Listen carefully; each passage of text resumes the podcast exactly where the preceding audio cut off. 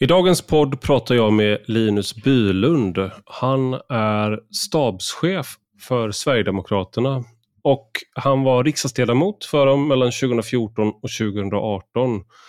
Och innan dess så var han pressekreterare. Så han är en av Jimmy Åkessons närmaste medarbetare och en av de centrala figurerna i Sverigedemokraterna sedan många år. Eh, anledningen till att jag ville prata med honom var dels att höra om hur Sverigedemokraterna tänker kring vissa frågor som till exempel kritiken om att de är motståndare till liberalism. Men också den senaste kontroversen, eller vad man ska kalla det, där eh, Linus Bylund i, eh, i konfrontation med några journalister sa att han skulle behöva ägna sig åt journalistrugby. Och det där har blivit något av en snackis, åtminstone bland journalister. Många har varit upprörda, så i podden så pratar jag och Linus Bylund om det här. Vad var det för situation? Vad menar han egentligen? Vi pratar också om varför han tror att många unga väljer Sverigedemokraterna. Det går ju lite emot den här bilden som man har haft av Sverigedemokraterna som ett parti för, så att säga, äldre män på landsbygden. Mycket, många av de här stereotyperna av vem som röstar på Sverigedemokraterna stämmer inte. Och kollar man på, eller de stämmer bara delvis, kanske man ska säga. Kollar man på förstagångsväljare och kollar man på skolval, skolvalet så går Sverigedemokraterna väldigt bra och Miljöpartiet då eh, går väldigt dåligt för till exempel. Så att den här generation Greta syns inte av i, Eh, bland unga människor, i alla fall inte när de går och röstar. Däremot kan man se att Moderaterna och Sverigedemokraterna i synnerhet går otroligt starkt.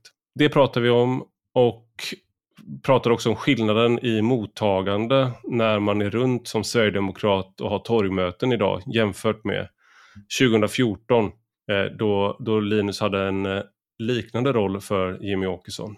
Men nu ska jag inte prata längre, så till dagens gäst. Du lyssnar på Rak Höger med mig, Ivar Arpi.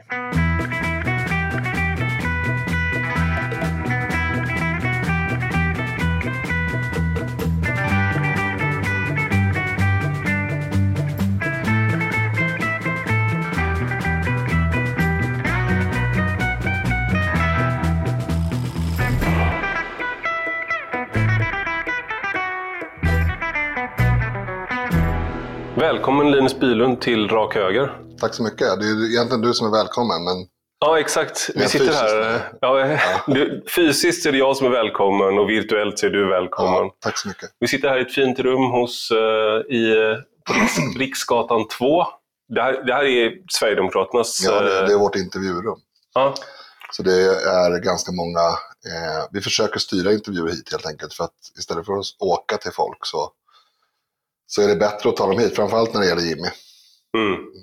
Det blir inte lika mycket resande. Exakt. Det är ganska mycket tid, även om det, även om det är smidigt att ta sig till eh, olika adresser i Stockholm i och med att Jimmy ändå har Säpo och sådär så är det, det är både resursslöseri och tidslöseri att åka runt, eh, särskilt under slutet av valrörelsen.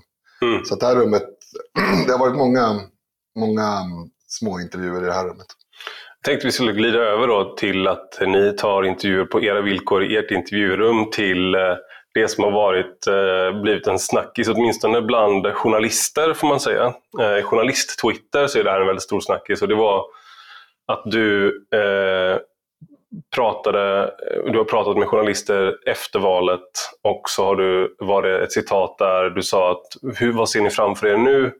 Och då så sa du att ja, det kommer bli journalistrugby och knuffa journalister. Mm. Och där då så... Eh, jag, jag fnissade när jag läste det för att jag först, det jag tänkte var att, eh, jag ska inte lägga ord i munnen på dig, men det jag tänkte var att du menade att det kommer vara otroligt mycket journalister som trängs runt er. Mm. Och ni ska försöka ta igenom och inte, och inte säga för mycket. Mm. Men det är inte riktigt så det har tagits emot.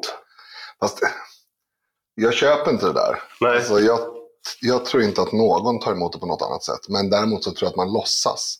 Okay. Man ser en möjlighet att här kan jag låtsas att jag är lite debil och missuppfattar det här. Eh, så låtsas jag att det här låter hotfullt. Alltså mm. det, är, det, är, min personliga bild av det hela. Men det skadar ju inte naturligtvis att förtydliga det.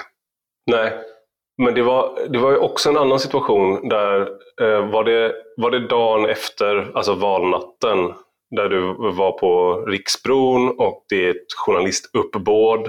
Mm, samma tillfälle faktiskt. Var det samma tillfälle? Ja, och ja. det var på Stallbron, men det spelar ingen roll. Okej, okay. jag, jag, jag är ju utom Socknes här, mm. så jag har inte... Stallbron går mellan eh, och Gamla stan och Riksbron går mellan Helgeandsholmen och eh, city.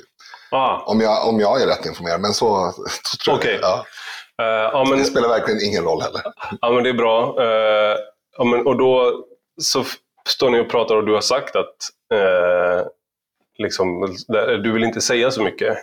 Och då var det en journalist som säger till dig att ska du verkligen hålla på och tramsa så här och säga att du är bakfull? Mm. Liknande. Ja, men jag kan dra den då. Det som ja. hände var att vi eh, Jimmy skulle träffa en person i, i riksdagen på Moderaternas kansli.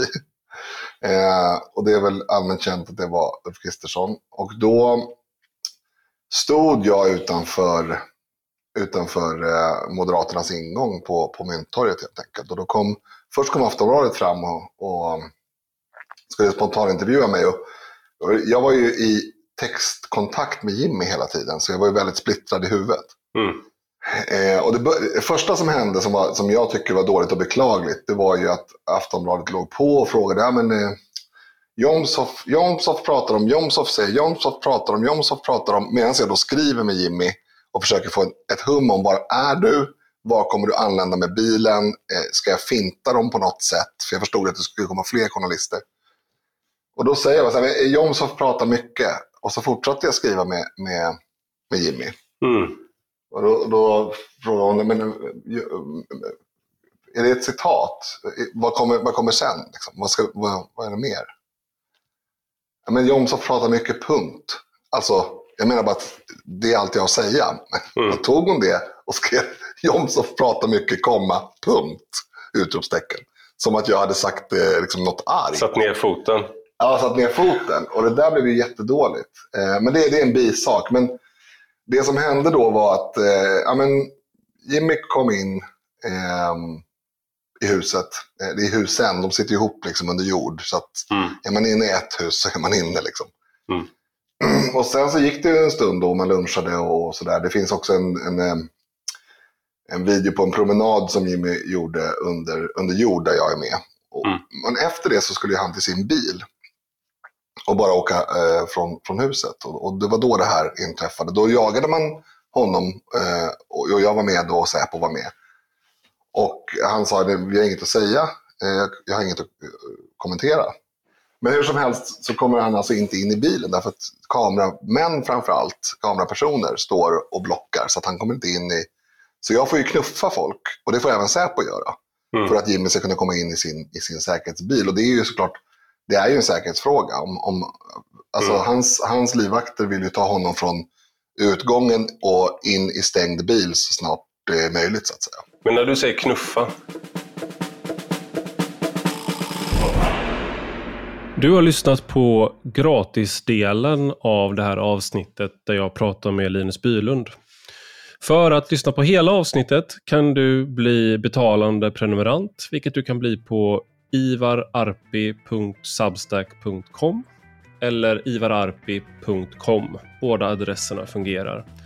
Och för 5 euro i månaden eller 50 euro om året så får du både allt gratis material men du får också ta del av diskussionstrådar som bara är för betalande prenumeranter. Du får tillgång till vissa podcastavsnitt som bara är för betalande prenumeranter och vissa texter som bara är för betalande prenumeranter. Och jag har ingen reklam, jag har ingen, tar inte emot några pengar från marknadsföring eller liknande, utan jag förlitar mig helt och hållet på er läsare och lyssnare. Så genom att bli betalande prenumerant så gör ni det möjligt för mig att fortsätta att vara en självständig röst.